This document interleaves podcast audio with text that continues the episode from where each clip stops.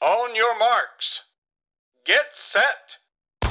Välkommen till Maratonlabbet! I den här podcasten följer ni mig, Johan Forsstedt och Erik Olofsson i jakten på snabbare tider och mer kunskap om löpning. I det här 45 avsnittet intervjuar vi en kille som har gått från 2.58 till 2.30 på maraton på mindre än tre år.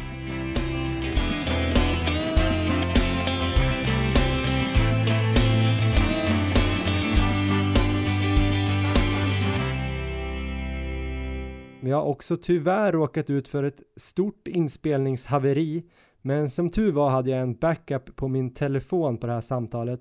Men vi måste be om ursäkt för ljudkvaliteten den här veckan. Innehållet är dock prima.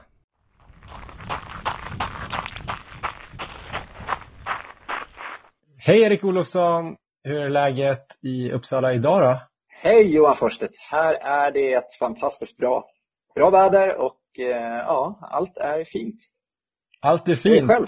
Jo, men det är bra tycker jag. jag är lite småstressad för tillfället, eller kanske inte just precis nu, men eh, de sista dagarna här. Men jag ska inte klaga. Det är härligt. Det har varit fint väder här också, även om jag har suttit inomhus. Hinner du springa någonting? Det händer att jag springer. Jag, det beror ju på vad man jämför med. Jag har ju på något sätt börjat jämföra mig med löpgiganten Erik Olofsson så det känns som jag springer typ ingenting. Fast jag springer kanske mer än jag någonsin har gjort i, på en vinter någonsin i hela mitt liv. Eh, så ja, jag har blivit någon sorts eh, korplöpare. Det blir så himla knäppt när man pratar med dig och ser din strava eh, och sen så gör vi intervjuer med sådana här elitlöpare som springer hur mycket som helst och så bara börjar man kolla på sin strava typ ja, 70 kilometer förra veckan. Så, ja, men fy fan vad lite. du är ju samtidigt en gasell. Din kropp, kropp klarar inte av för stor volym. Ja, vad bra att du säger det. Då har jag bättre samvete för att jag inte springer. För det är bättre att jag... springa lite och vara skadefri.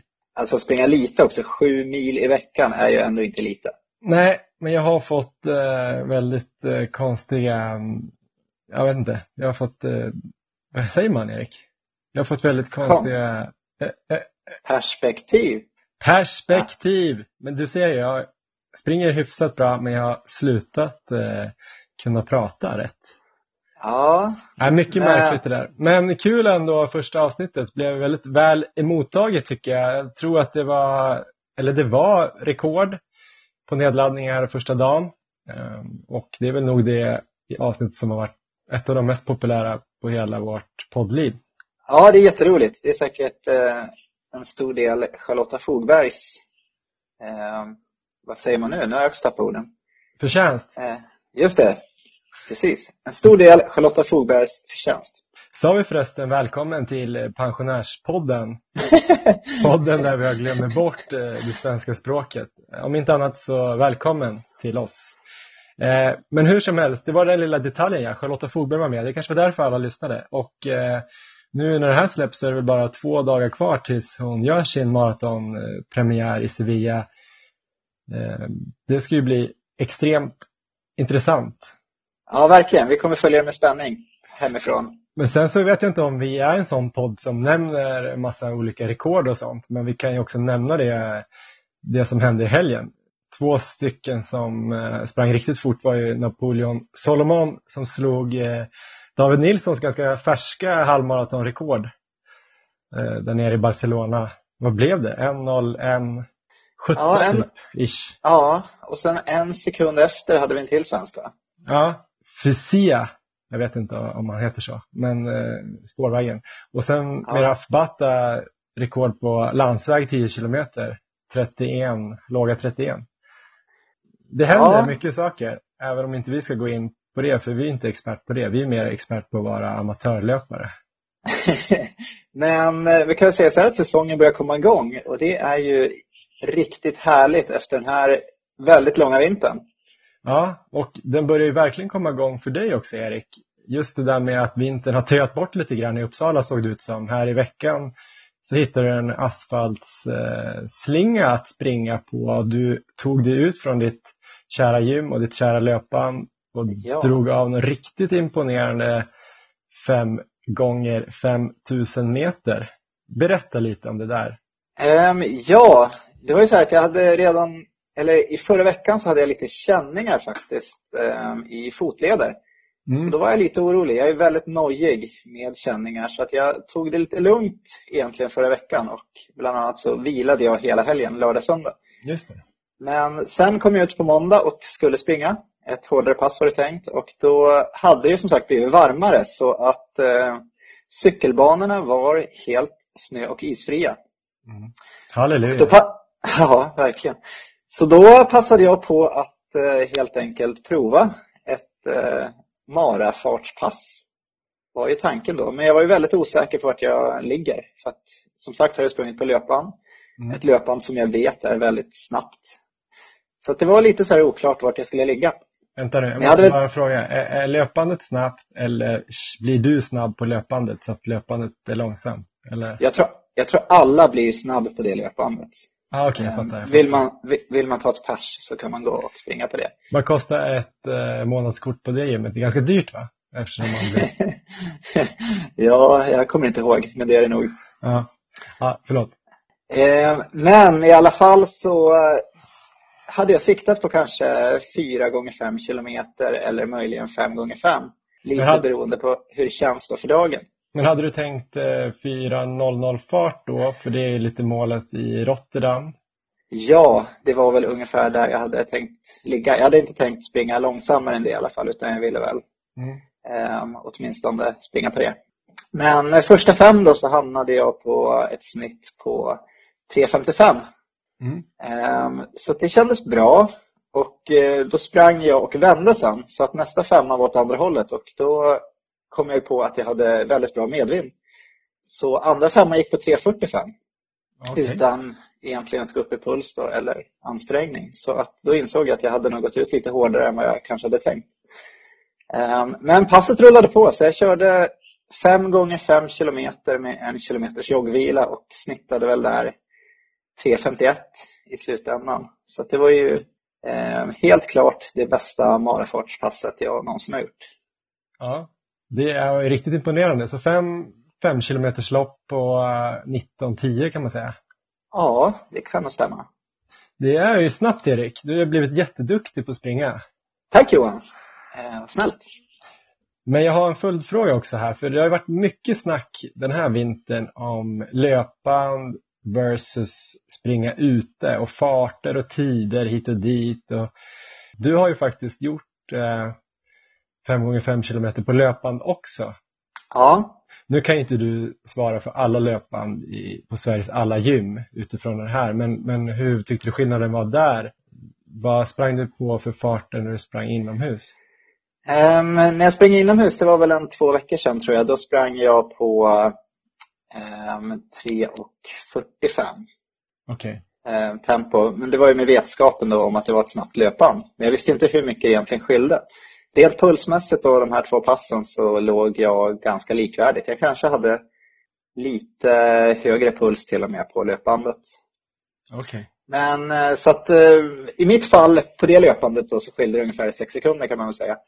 Däremot så har jag jämfört det löpbandet med många andra löpband. Jag har varit iväg på lite andra gym och även testat en annan form av löpband på samma gym och det, är ju, det kan skilja sig jättemycket. Jag hade bland annat ett, eh, ett pass, ett distanspass på 10 kilometer på löpband där jag blev tvungen att börja på ett annat löpband eftersom mitt normala löpband var upptaget. Ehm, men så var det ledigt när jag hade sprungit för 3 kilometer på det andra löpbandet och då hoppade jag helt enkelt över på mitt normala löpband.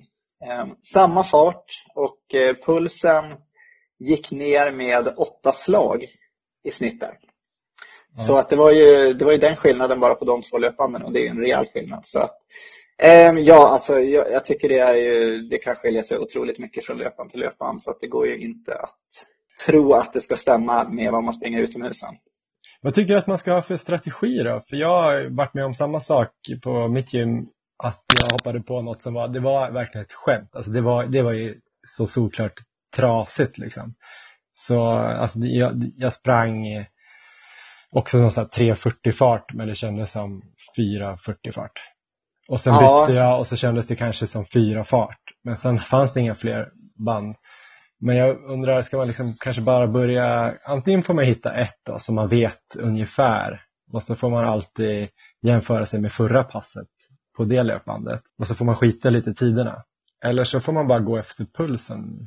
Ja, jag tycker man ska gå efter känsla och puls och inte bry sig så mycket om farten. Mm. Eh, så det, det skulle jag definitivt skapa. För jag tänkte ju också göra en stor poäng i det här avsnittet att jag skulle testa och kalibrera några löpband på gymmet.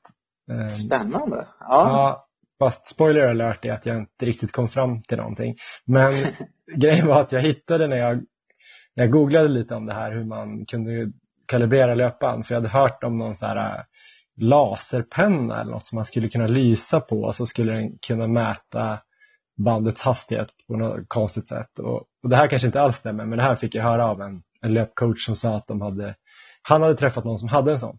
Ja. Det tyckte jag det var en jättebra idé. Eller det kanske vi skulle börja sälja tänkte jag. Eftersom det är så många som springer på löpband. Det kan vara kul att se exakt farten. Men ja. sen hittade jag inget om det. Men däremot hittade jag någon kille som hade då bara skrivit hur man kunde mäta banden själv. Och det var ju ganska, det var lika enkelt som genialt egentligen. Att man sätter en liten tunn tejp på löpbandet. Man sätter den på löpbandet på en viss hastighet och sen räknar man bara så många gånger man ser tejpen komma fram så här på en minut. Och sen så får man ju då ta reda på själva bandets längd, alltså hur lång den här mattan är. Just det. De säger att den är tre meter och så kommer den där tejpen hundra gånger på en minut. Då kommer man alltså, tre, då kommer det alltså, är det 300 meter i eh, minuten.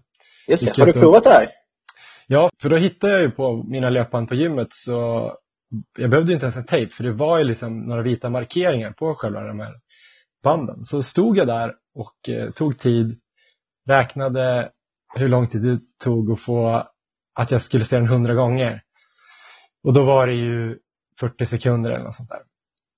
Ja, det var en ganska invecklad eh, räkning för det var två streck och sådär så fick jag dela i två, bla bla bla. Men det var 75 eh, gånger som jag såg det där strecket på en minut i alla fall. Och så tänkte jag så här, okej okay, jag har ingen aning om, för jag fick aldrig fram hur långt det där löp, själva bandet var. Så det är därför det här var en jättetråkig utläggning. Men eh, däremot så tänkte jag, jag kan ju åtminstone gå runt och eh, testa på lite andra band. Om det ja. kommer fram samma. För då tänkte jag, jag kommer ju få så här 85 varv på ett band på samma hastighet. Alltså jag satt den på 15 km i timmen, fyra fart. Ja. Så tänkte jag att så här, ja, nu fick jag 75 på det här, jag kommer ju få 85 på det där och 65 och då kan jag bara i alla fall make a little statement här om att, att det är väldigt olika. Vill du höra resultatet? Var det samma på alla? Ja, alla tre var exakt samma. Men då, alltså slutpoängen då att alla löpband stämmer helt enkelt? Alla löpband stämmer lika mycket eller lika lite. Men alla går okay. exakt lika fort. ja, men det är bra.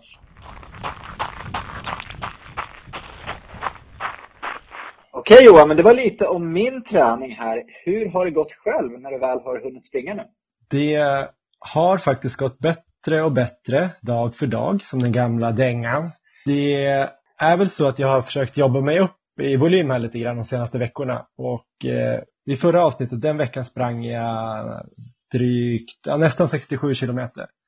Så veckan, alltså förra veckan så tog jag upp ett snäpp till och sprang faktiskt sju mil, vilket börjar väl ändå likna någonting, tycker jag. Ehm, Verkligen. I volym sådär. Det är mer än vad jag sprang i fjol den här tiden i alla fall. Så det ser bra ut och jag har fått till lite hyfsade pass. Jag har fokuserat ganska mycket på fart och eh, backe och sen då volymen totalt sett. Så att jag tänker att jag ska försöka bli utmana mina snabba muskelfibrer lite grann. Mina, mina gasellben ska få jobba lite så att jag jobbar upp en, eh, en snabbhet för att sen börja bygga lite mer tröskel kanske i nästa fas. Just det. Jag tänker på en sak direkt här. Backe säger du. Hur har du löst det i det här, eh, här klimatet, vill jag på säga? Men där skulle jag väl säga att löpandet faktiskt kommer eh, väldigt bra till sin rätt. Jag tycker nästan löpbandet är bäst just eh, gällande backpass. För där kan man ju väldigt lätt ställa in väldigt många olika typer av lutningar. Och man behöver ju heller inte springa ner för backen för att kunna köra nästa intervall. Så... Vad har du kört för lutning ungefär under dina intervaller? Men det är det här som har varit lite experiment här de sista, sista, sista tiden. Här. Jag hittade ett eh, backpass som jag tror kanske att det är Salkai som är någon sorts uppfinnare av det här passet och då ska man börja på en eh, lutning om det är 2,5 eller 3 procent och så springer man 500 meter och så vilar man en minut och sen så höjer man med 0,5 procent för varje intervall och så kör man 10 500 Just det. Och då skulle man typ börja sitt distansfart så jag testade med 440. Det var ju alldeles för lätt upp till 5 kanske. Men de sista, sista lutningen där från 5% upp till 6,5 var ändå lite så här så att man ändå började känna att det blev lite så löpstyrka. Jag var inte jätteflåsig. Så jag skulle tippa att någonstans där mellan 5 och kanske upp till 10% skulle vara ganska bra. 10 börjar nog bli ganska brant. Men då Ja. blir det mer styrketräning nästan. Men så här, 5 kanske vore rätt nice att kunna ligga och trycka på lite långa backar. Just det. Försöker få in ett i veckan eller ett varannan vecka eller ungefär. Hur mycket backe blir det? Ja, men det har väl blivit eh, ungefär ett i veckan de här sista veckorna. Och så har jag väl kört ett snabbare pass, alltså typ, eh, jag har kört ganska mycket 400 nu. Mot din inrådan höll jag på att säga. Men eh, jag har kört, eh, försökt bygga upp mot 15 400 Som jag faktiskt gjorde idag. Ja, Men sen ett backpass, ett snabbpass och sen ett långpass då, som har blivit upp mot 25 som längst nu. Och sen har jag fyllt på med en del distans, börjat springa lite till jobbet och sådär. Så att eh, mm, det rullar ju framåt. Är du på väg in i någon slags specifik fas här eller? Jag eh, tänkte att jag ska köra den här veckan ut och då hade jag väl lite som mål att och, eh, nå det här 15 gånger 400 i 3.20 fart, alltså under 1.20 per 400 med en Ja. minuts vila. Det gjorde jag faktiskt idag, jag var ute på Bosön och drog av, jag delade faktiskt upp det i tre set om fem intervaller. Så jag körde en minuts vila mellan varje intervall, men efter femman och tian så gjorde jag, gav jag mig själv två minuter. Mest för kanske så att dela upp passet rent mentalt. Ja, Eh, Men då, ja men det såg bra ut. Jag låg alla på 1.18 eller snabbare så det blev nog 3.15 fart.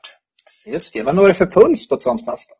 Alltså jag når nog upp i tröskel men det blir en helt annan grej för att det är ju mer som att eh, eftersom jag ändå får vila en hel minut så tänker jag inte att det här i första hand är jättemycket för hjärtat på så sätt utan det är ganska mycket alltså muskulärt och få till eh, liksom löpeffektivitet och, och utmana muskulaturen. Sen blir det ju såklart någon sorts fartuthållighet. Alltså det är ju ändå 6 kilometer i, i riktigt snabba farter sådär. Så att eh, jag hoppas kunna få lite buffert eller vad man ska säga ner till min milfart som jag hoppas jag ska kunna sänka ner lite grann. Jag tänker att de här 400 är ungefär i 3 kilometers fart. Ja, Och det vet jag ju inte. Men det vore ju inte helt orimligt att man skulle kunna börja ner och nosa på 10 minuter. Eller strax över. Men sen Erik, ska jag iväg och jobba två veckor nu. Det är därför jag försöker köra ganska hårt och så får jag ta någon lugnare vecka. Jag ska till Österrike på längd-VM. Men när jag kommer hem därifrån då är det, eh, då är det specifikt för hela slanten. ja och full med inspiration kan jag tänka mig. Jag är lite avundsjuk att du ska ner dit. Ja, jag förstår det. Det ska bli ett kul VM. Kommer du kunna springa något alls där eller är det bara jobb? Ja, vi får väl se. Det brukar ju visa sig efter ett tag. Men jag hoppas kunna dra ut på några runder i alla fall. Jag tar helt klart med mig skorna, både odubbat och dubbat. Och eh, lite alplöpning sitter ju inte helt fel, även om det är snö. Jag kan väl tillägga här också sen senast så har jag även varit och provat den gamla VM-banan på Lugnet i Falun. Just det. Med ett par varv på sprintbanan där. Så att det, var, det var spännande. Ja, men du Erik, inte för att vara Ja. sån, men nu ska jag försöka ta tillbaks det här snacket in på löpningen från eh, lite skidor. Vi har ju en intervju idag igen och eh, det är en intervju med en kille som är typ lika bra som Charlotta Fogberg på maraton. Fast han är ju inte elitlöpare utan han har jobb och eh, barn. Det kan man ju i och för sig ha även om man är en elitlöpare. Men han, eh, han började typ springa för tre år sedan bara och har jobbat sig ner från att försöka slå 40 på milen till att han nu i december gjorde 2.30 i Valencia Marathon. Lyssna här på kometen, stjärnskottet, Josef Hamber. On your marks. Get set. Ja, men då har vi ringt upp eh, Josef Hamber. Varmt välkommen till Maratonlabbet. Tack så mycket. Du är med här i Maratonlabbet eh, det här avsnittet för att du har gjort en sån otroligt bra utveckling som vanlig motionär.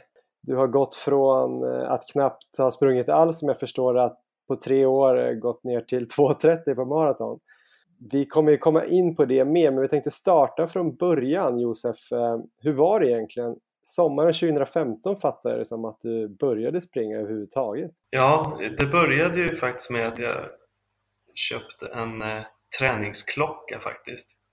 Eh, och eh, till den kunde man ladda ner ett sådant färdigt eh, träningsprogram. Så jag körde lite efter det. Och då hade du som mål att gå under 40 på milen, eller hur var det? Ja, inte direkt när jag började då, men eh, ganska snabbt liksom efter det så kom jag på att under 40 skulle ju vara häftigt liksom. Men eh, jag kommer ihåg att jag maxade en mil där efter två månader ungefär och då sprang jag 41.30 eh, och då tänkte jag att ja, men det kanske är möjligt att springa under 40 milen.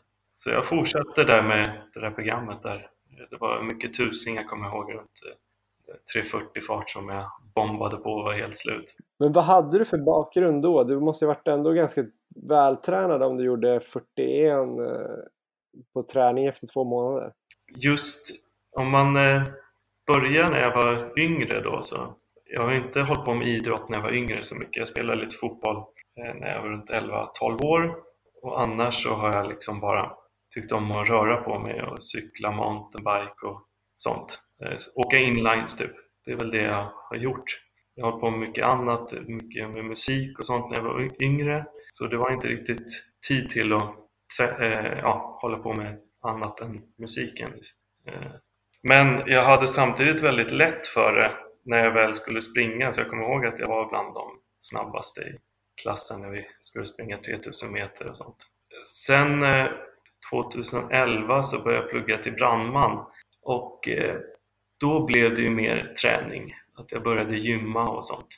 Och jag sprang väl ja, ytterst sällan då, men kanske en gång i månaden eller något sånt där.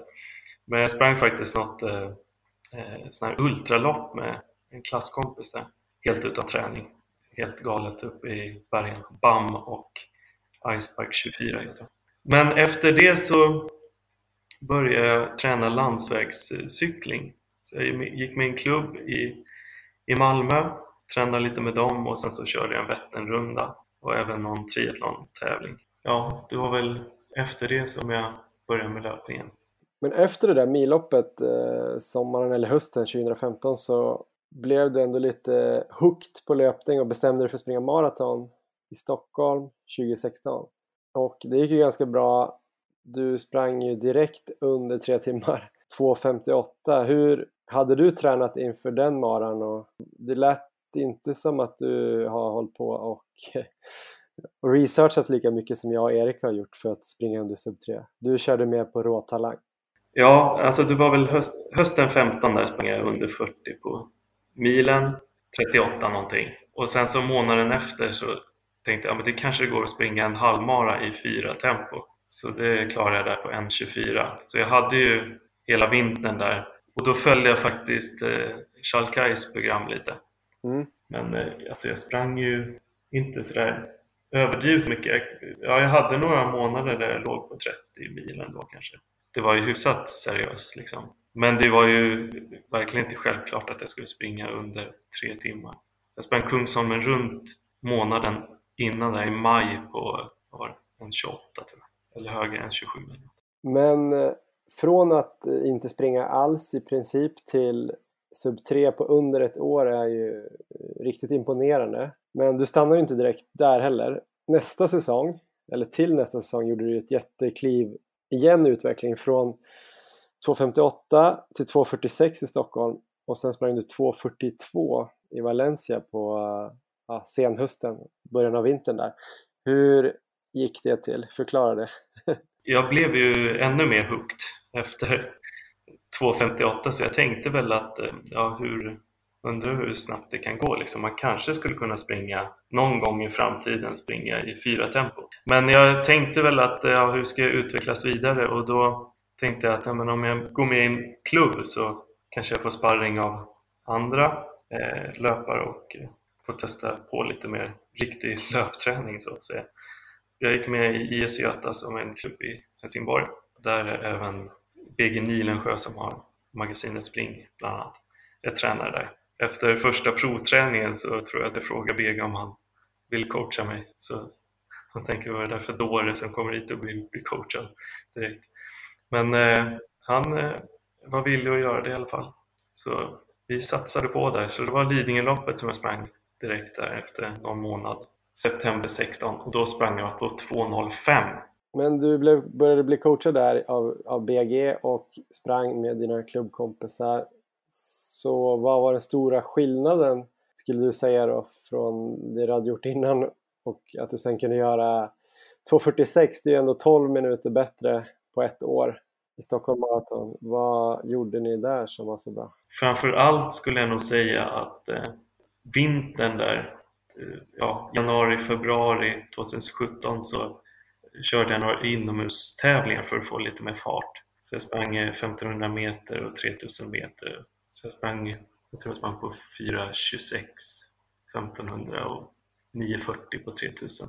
Så det var, alltså jag hade ju ingen snabbhet överhuvudtaget och det är ju inte speciellt snabbt men det var ändå precis det jag behövde tror jag. Så precis efter det så sprang jag ja, 35-11 på, på milen till exempel så jag kapade jättemycket på min miltid. Jag blev otroligt mycket snabbare.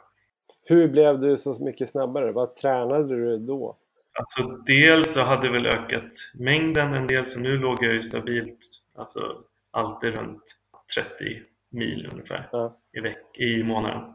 Och sen så var det ju, ja vintern där så var det ju mycket ja, 400 och 500 och 800 och sånt för att få mer snabbhet. Så det var ju inte så mycket tröskelträning just inför Stockholm Marathon egentligen. Jag hittade två pass i. Okay. Det var två gånger fem kilometer i 3.37 tempo och sen tre gånger fyra kilometer i 3.39 tempo. Och det var ju mer inför eh, Göteborgsvarvet skulle jag tro. Sprang du annars då mycket marafart inför Stockholm? Nej, ing, inte ett enda pass. Jo, jag tror jag sprang veckan innan sprang jag eh, 8 kilometer i fyra tempo. Så i stort sett var det liksom ganska mycket snabbhet i, i början av den säsongen och sen var det mest distans och långpass eller? Ja, och inte så långa långpass heller egentligen. Jag tror inte att... Det var ett pass över 30 kilometer. Så det var just inför Stockholm Marathon 17 så var det inte så mycket maraträning alls. Och sen på hösten 2017 så fortsatte det med sub 2 på Lidingöloppet och sen 2.42 i Valencia. Alltså sub 2 på Lidingöloppet känns riktigt bra. Tränar du specifikt för det? Liksom mycket kuperat och trail och sådär? Eh, ja, jag körde mycket där i sommaren så körde jag mycket kuperat. Dels så körde jag mycket distanspass i kuperad terräng. Det finns backar i Skåne också. Och sen eh, ja, i Helsingborg finns några områden som är rätt bra att springa kuperat, de är lite mer likt Lidingöloppsterrängen.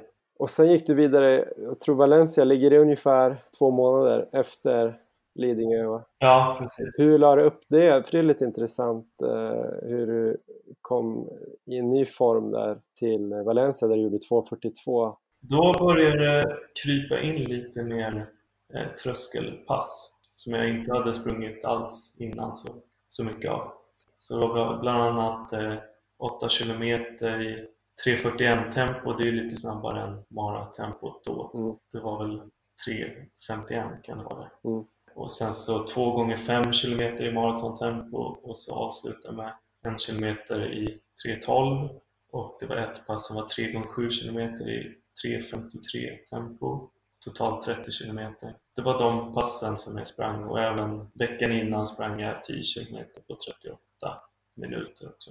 Så det var några tröskelpass jag hann med. Hade du skruvat upp eh, volymen ytterligare här? Nej, det var nog inte så jättemycket mer. Det var lite mer på sommaren där, att jag sprang 40 Det hade min första 40 mila vecka. Månad? Ja, månad. 40 mila månad. Så det var inte, det var först ja, 2018 som jag skulle upp. Men eh, en instickare här då. Du har ju inte varit skadad och hur har du liksom lyckats med det tror du? Är det mest flyt eller har du haft någon strategi för att klara dig från skador? Ja, det är en bra fråga hur jag har lyckats undvika det. Jag tror mycket har med min tränare att göra. Om jag inte hade haft honom så hade jag sprungit betydligt mer. BG är väldigt noga med att inte springa distansen så snabbt Eh, för att det inte ska slita. Och så är man pigg på, på kvalitetspassen. Så jag, jag är väldigt noga själv med, jag tycker det är kul att kolla puls och sånt när jag springer. Att det ligger runt 65-70% av maxpuls. Liksom. Så jag ligger nästan alltid runt 130 i, i snittpuls på distanspassen. Det är där jag märker utveckling. Att nu är jag nere på 4.30 i tempo med 130 snittpuls. Eh, och för ett år sedan kanske jag hade legat eh, på över 5 tempo. Ja, nej men det känns ju som att man eh, nästan vore klar med den här intervjun eh, nu när du har kommit ner till 2.42 här på två säsonger men det, har, det stannade ju faktiskt inte ens där. I fjol, alltså 2018, då fortsatte ju det här eh, galna rekordslakten. 2.35 i Köpenhamn och sen 2.30 nu för några månader sedan i Valencia. Ja, hur förklarar du att det bara fortsätter? Alltså det vi, vi steppar ju upp träningen ordentligt.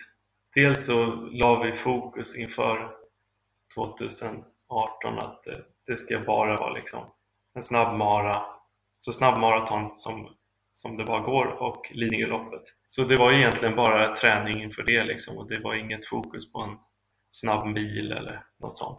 Och eh, sen så började vi köra hårt med trösklar direkt på det nya året efter säsongsvilande efter Valencia. Alltså varje vecka så hade jag något tufft tröskelpass. Det började ganska lätt med 3 gånger 3 km i 3.45 tempo. Och så 4.15 km jogg emellan serierna.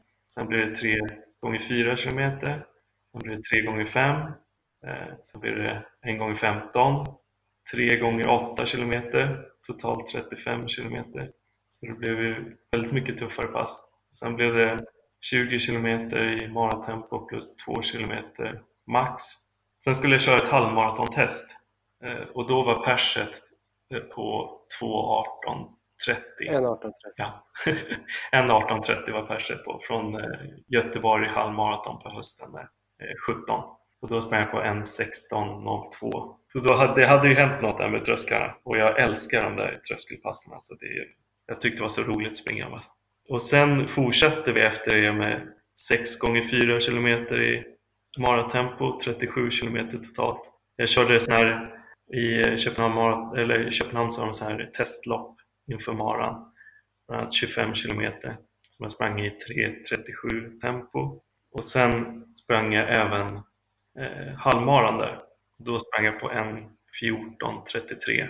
Eh, och sen veckan innan maran så sprang jag också Springtime som är en rätt kuperad mil i Helsingborg på 34.30 så det var första gången under 35 där. och sen Mara på 2.35. Men hela den våren då 2018, alltså i fjol var det liksom maratonträning? Du sa ju det att det var bara fokus på maraton men, men hade ni vad ska man säga, delar ni upp träningen på något sätt eller var det trösklar och marafart från januari ända fram till eh, loppet i maj? Trösklar varje vecka egentligen. Sen så var det lite, in, ibland kunde det vara några 500 och sånt för att få lite mer fart. Men annars var det mest trösklar och så ökar vi mängden eh, väldigt mycket. Jag tror årssnittet blev 10 mil förra året. Året innan så hade jag 7 mil i veckan. Ja, hur var det att komma ner till 2.30 då? Alltså, ja, alltså först alltså springa 2.35 var ju helt overkligt faktiskt. Efter 2.35 så då satsade vi på sommaren där att jag skulle springa någon halvmara och försöka bli lite snabbare på den men det var ju så fruktansvärt jobbigt i sommar. Det var ju så varmt så vi fortsatte med samma upplägg med ja, specifika pass inför tävlingen liksom. Så nu blev det ju massa trösklar i 3.30 tempo inför en halvmara liksom. Så det kunde ju vara 3 gånger 8 km i 3.30 tempo. Eh, 5 gånger 4 kilometer, till och med 1 gånger 15 i 3.30 och 3 kilometer max. Så det var riktigt, eh, riktigt grisiga pass i 30 graders värme om jag minns rätt. Så, men det, det, jag lyckades knappt hålla farten där så det, jag blev inte så mycket snabbare på halmbanan. Eh, jag sprang eh, i Köpenhamn på en 13.22 tror jag det var. Men hur ser eh, veckans, alltså fördelningen av pass ut? För det där låter ju riktigt hårt, 15 kilometer halvmarafart plus, vad sa du, 2-3 kilometer? 3 kilometer max. Max. Liksom, hur mycket fler liknande pass kan du ha en sån vecka utan att du blir för sliten? Nej, det var nog bara ett sånt pass. Sen kanske det var något snabbare. BG gillar sådana här typ 6 km 70-20 eller 10 km 180-60 till exempel. Så det kunde varit något sånt pass också i sådana fall. Eh, annars var det bara distans. Sen så kör jag också cross-trainer en gång i veckan och två, tre styrkepass brukar det bli också. Vilken typ av styrka kör du då? Det är lite blandat. Antingen kör jag hemma och då blir det ju bara liksom kroppen som belastning eller så kör jag på ett utegym men oftast kör jag på, på jobbet. Och nu har vi faktiskt en crossfit-tjej i, i mitt skift så det blir lite crossfit till och med. Perfekt. Och jag tänker just på det då, du nämner att du har, du har ju jobb så att Ja. säga. och eh, du har även familj, två barn som jag fattar och, och fru eller sambo. Hur får du in all den här träningen? Det är ett eh, pussel. Men eh, jag går ofta och lägger mig. Nu, jag, nu börjar det bli sent för mig här klockan nio på kvällen. Men jag brukar gå, faktiskt gå och lägga mig med eh, barnen. De är två och fyra år gamla. Det gör att jag kan gå upp eh, ja, halv fem, fem och springa. Eh, så jag springer mycket distans eh, tidigt. Så man får försöka pussla ihop det. Och sen så kan jag ju träna på jobb också. Jag jobbar som brandman. Eller springa till jobb. Men hur ser en vecka ut nu då, 2019? 2019, nu har jag ökat på ännu lite mer tycker jag. Nu har jag försökt få lite mer snabbhet i mina långsamma maraben. Så det har varit mycket backpass, eh, lite kortare intervaller. Ja, 500 har jag kört 2 gånger 500 meter gånger 3 600 Jag körde ett 5 km test och avslutade med 5000 Vi har ökat på mängden framför allt skulle jag säga. Jag, jag tror jag sprang 58 mil i januari och förra veckan sprang jag 16,5 mil vilket är, ja, jag har varit upp 16 två gånger innan tror jag men det är mängden mängdrekordet. Men hur såg den veckan ut då, lite ungefärligt med distans och kvalitet? Förra veckan då körde jag faktiskt bara mängd, bara distans och ett eh, cross-trainer intervallpass. Den här veckan har jag ett två timmars långpass och så sprang jag 90 minuter i morse och sen så har jag ett eh, pass där jag ska springa 8 kilometer så snabbt jag kan och sen efter det fem stycken tusingar så snabbt jag kan. Vad är det för mål för 2019 då? Eh, målen är, eh, ja det blir samma sak. Jag, alltså jag kommer ju aldrig bli en snabb millöpare liksom. Så jag satsar vidare på maraton och Lidingöloppet. Så jag springer Stockholm Marathon eh, och eh, vill ju komma under 2.30 där, tänkte jag i alla fall. Eh, och sen så tänkte jag nog springa Valencia sen igen i höst. Och då går jag nog för klubbrekordet som är på 2.27.45 tror jag. Ja, mycket spännande Josef. Det ska vara kul att få testa lite av de här passen. Eh, Eller, eller, eller om jag ber Erik testa några av de där hårdaste passen kanske. Får vi tacka för inspirationen och, och samtalet. Så får du väl gå och lägga dig snart så du hinner upp och springa. Ja, tack så hemskt mycket så jag kan upp imorgon bitti. Ja, tusen tack. Ha det bra. Tack själv.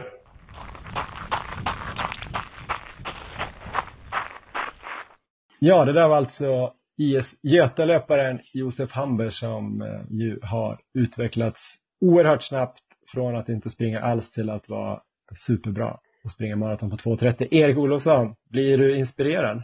Jag blev mycket inspirerad eh, och väldigt imponerad. Ja, Till att börja med så eh, känns det som att han har ju lite mer talang än vad vi har, kanske åtminstone än vad jag har, skulle jag säga. För att bara bränna av, var det 2.58 där, ja utan någon speciell strukturerad träning är ju väldigt starkt. Vi, Mm. klarade det förra året, men eh, nog fick vi jobba hårt för det. Ja, men sen utvecklingen är ju helt fantastisk här från år till år här. Mm. Um, och det blir man ju såklart uh, otroligt inspirerad av. Speciellt nu när vi tog oss under tre timmar här och se vad, man, uh, vad det finns möjlighet att göra. Vad tar du till liksom, ur hans träning och sånt där för att du ska få någon liknande utveckling? Alltså det är intressant att höra om hur han har tränat här år till år sedan efteråt för att nått den här utvecklingen. Och sen så måste man ju på något sätt hela tiden tänka utifrån sig själv, vilken typ av löpare man är och eh, vad man behöver förbättra själv. Josef sprang ju lite mer i början av 2017 där. Det var mycket korta intervaller för att bygga snabbhet. När han började springa här med klubb och sådär. Mm. Och sprang även en del inomhuslopp under den perioden. Och jag har väl inte, som jag känner, så är det inte riktigt den typen av träning som jag själv behöver köra. Utan jag tror, jag tror jag har ganska bra snabbhet. Men det är just det här uthålligheten som, som jag fortfarande behöver jobba mm. mer på. Så för mig kommer ju träningen ändå se lite annorlunda mot eh, vad han gjorde 2017 i alla fall. 2018 så körde han ju mer tröskelträning. Och det är väl mer den typen av träning som jag ligger på nu och framförallt har legat på än så länge under året. Men det är ju, jag tycker det är väldigt intressant just den här kontinuiteten som jag tror är hela nyckeln och är otroligt viktig för utvecklingen. Att kunna springa många mil under lång tid. Mm. Lyckas, lyckas man med det så tror jag att eh, då har man alla förutsättningar för att få eh, liknande utvecklingar som Josef haft där. Mm. Men det är kul att lyssna lite på honom för att han sprang ju som jag fattade ungefär sju mil i snitt eh, 2017 när ja. han då ändå kom ner på 2.42 i Valencia. Så det är, sju mil är ju det jag gör nu liksom. Ja. Och sen sprang han väl 10 mil 2018 vilket ju det är ungefär eh, någonstans där du någon blandning mellan, alltså du sprang 10 mil ungefär de bra veckorna i fjol och nu kanske ja. du kommer ligga lite över om, om du får till det nu, att du kommer ligga runt ja. 12-13 mil så att det känns ju som eh, han lyckades ju springa på 2.30 med 10 mil i veckan. Så, no pressure. no pressure. Men det känns också som att en rimlig liksom, upptrappning på något sätt. Att han medvetet eller omedvetet, nu hade han ju den här BG Nilensjö som coach, att de har ändå inte hastat iväg så snabbt. Jag kan tänka mig att han sprang liksom 4-5 mil där när han kom igång.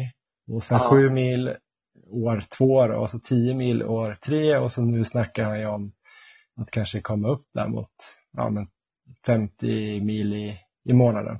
Ja, han hade legat över där någon, någon månad nu redan. Så ja, det kanske är. Han hade ju inte haft några skador så det verkar vara en bra Ja, och en del, en del av strategin var ju just som han sa i intervjun att inte springa distanspassen så snabbt.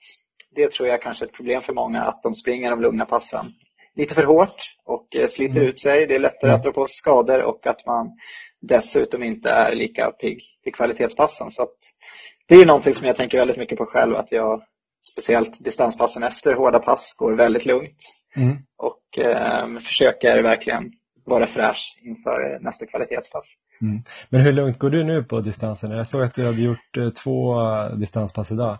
Ja, om man tar igår då, det var ju dagen efter mitt hårda 5 gånger 5 km pass. Då mm. låg jag väl eh, kanske i 5.15 fart tror jag. Kanske okay. uppåt 5.20 så att, eh, och det är ju långsamt mm. eh, mot vad jag springer. Idag gick det väl kanske ner mot eh, ner mot fem men ändå strax över fem på mina.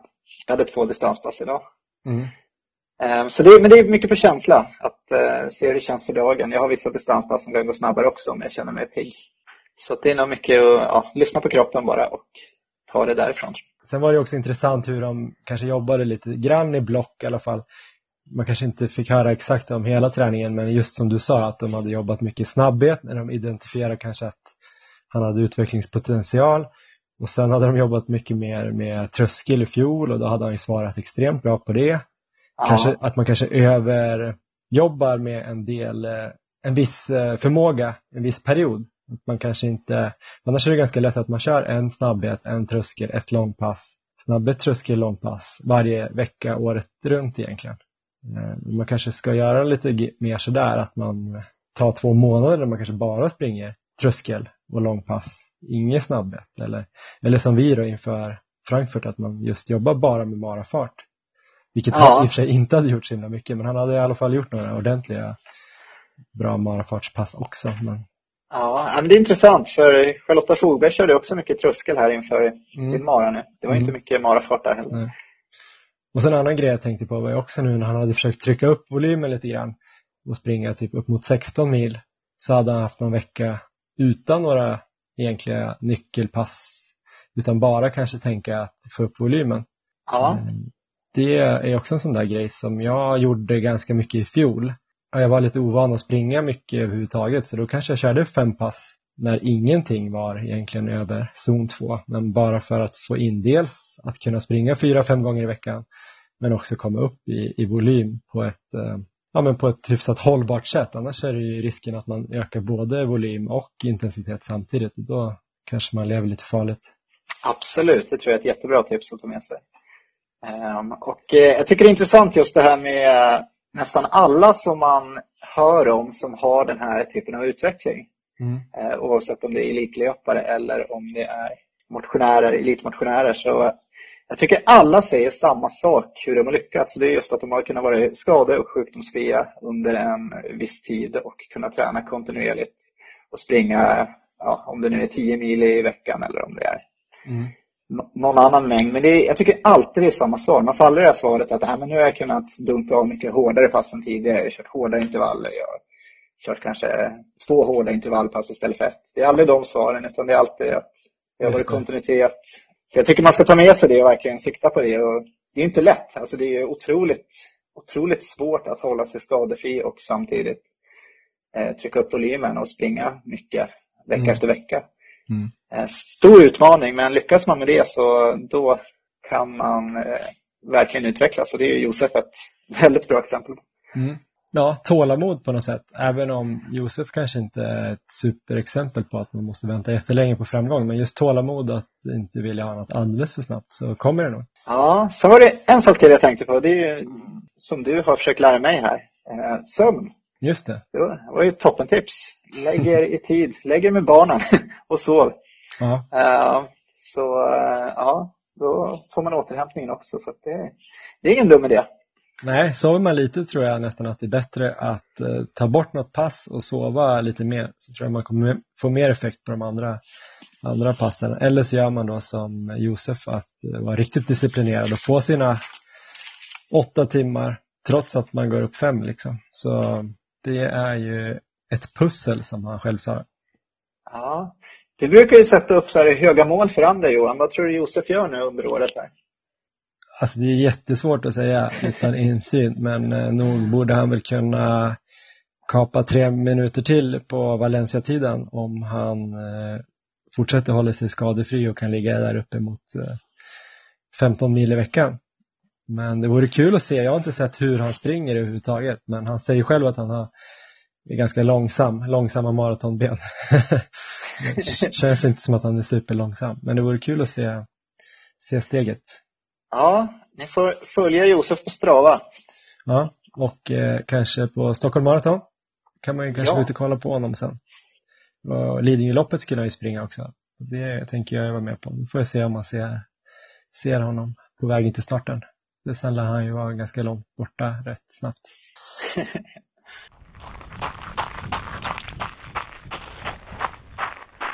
Ja, men det var det Erik eh, Olofsson. Eh, nästa vecka åker jag till Österrike och skid-VM och är borta 10-11 dagar där. Får se hur mycket jag kan springa. Hoppas kunna röra på mig lite grann i alla fall. Annars får jag ladda lite batterier inför min specifika vårperiod som kommer sen. Eh, för dig då, hur ser det ut närmaste? Ehm, jag har en, eh, en ganska tuff vecka här. Mm.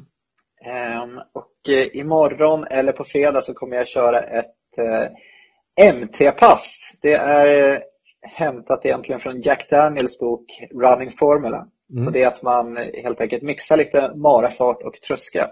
Mm. Så att jag har försökt översätta det här. Det är skrivet i miles i boken. Men det, i princip ska jag börja med 12 km lugnt följt av 12 km marafart. Direkt på med 1,5 km tröskel Därefter 6 km marafart, 1,5 km tröskel, 1,5 km marafart och sen nedjogg om man Oj. hängde med på det. Så att det, det kommer ju bli ett, eh, ett tufft pass, men eh, det ska bli, det ska bli kul att prova. Det låter ju lite eh, likt där Ekvalls eh, monsterpassen vi körde i fjol, att man mixar lite farter och även det som Josef verkar ha gjort med Nilensjö, att de drar på lite snabbare i, i marafartspassen. Jag tror det är en ganska bra idé. Jag har känt lite så här problem när jag har dunkat på i marafart bara jättelångt utan några form av breaks med olika farter så har det, ja, det känts som att det slitit ganska mycket. Så att jag, jag tror dels från den aspekten så kan det vara bra men även just det här att man, man truttar ut benen lite extra så att när man väl kliver på marafart senare i passet så kommer man jobba med lite tröttare ben. Så det var alltså för de som vill testa det här hemma då. Det är 12 kilometer lugnt, 12 kilometer marafart, en och en halv kilometer tröskel, 6 Ja. kilometer marafart, en och en halv kilometer tröskel, en och en halv marafart igen. Och sen ner Ja, bra, Så- du hänger med på det. Ja, jag var ganska förvånad nu faktiskt. Men 18 kilometer i marafart totalt. Nej, 19,5. Tre totalt i tröskel. Då är vi Ja, uppe i 22,5. Så 12 uppvärmning, 34,5 och sen ned, jag, eller 12 uppvärmning, men inledning och sen lite avjagning. Ja, men det blir 37 då kanske. ja, det blir något sånt. Och eh, övriga dagar bara lugna distanspass. Vad kommer du köra då? då? Det kommer du ligga på 4 fart eller 350 fart då, som är din nya marafart? Eh, jag, jag avvaktar med att berätta det så får det komma upp på Strava istället tror jag. Just det, på Strava kan ni följa mig och Erik. Erik Olofsson, han som springer lite mer och Johan Forsstedt, han som springer lite mindre men ändå inte är hälften så långsam fast han springer hälften så mycket. Eh, ni kan också kolla på Instagram där vi heter Maratonlabbet. Eh, där kommer nog också det förhoppningsvis komma upp någon bild på Erik från det här passet. Eller från eh, Seefeld i Österrike eh, på någon härlig alp, alp, eh, alpvy. Nu börjar Elmer att skrika här i rummet bredvid. Jag vet inte om det läckte in här i inspelningen men jag ska nog gå och kolla om han vill hitta på något kul. Eh, så får du vi göra. hörs om två veckor Erik. Ha det så himla bra. Det gör vi. Ha det bra Johan.